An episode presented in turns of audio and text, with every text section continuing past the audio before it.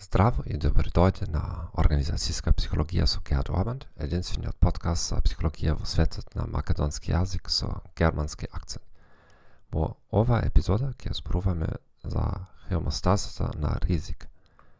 Друг збор за хеомостаза на ризик е надомест на ризик.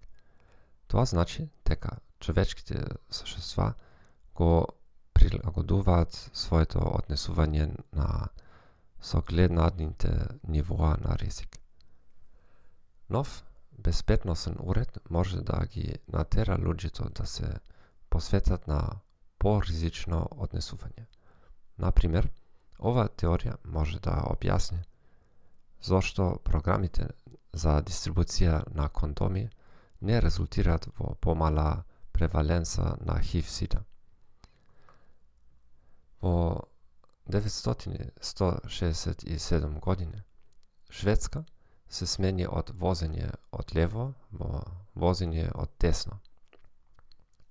Првично би рекле дека таквата промена ќе доведе до повеќе несреќи.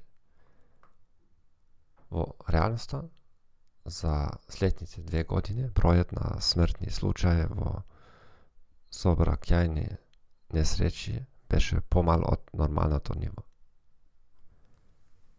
Затоа, во многу ситуации може да биде корисно да се направи задача да изгледа поризично. Како последица на тоа, вработените ќе покажат помалку ризично однесување. Практичен пример е концептот на заеднички простор во некои градови shared space.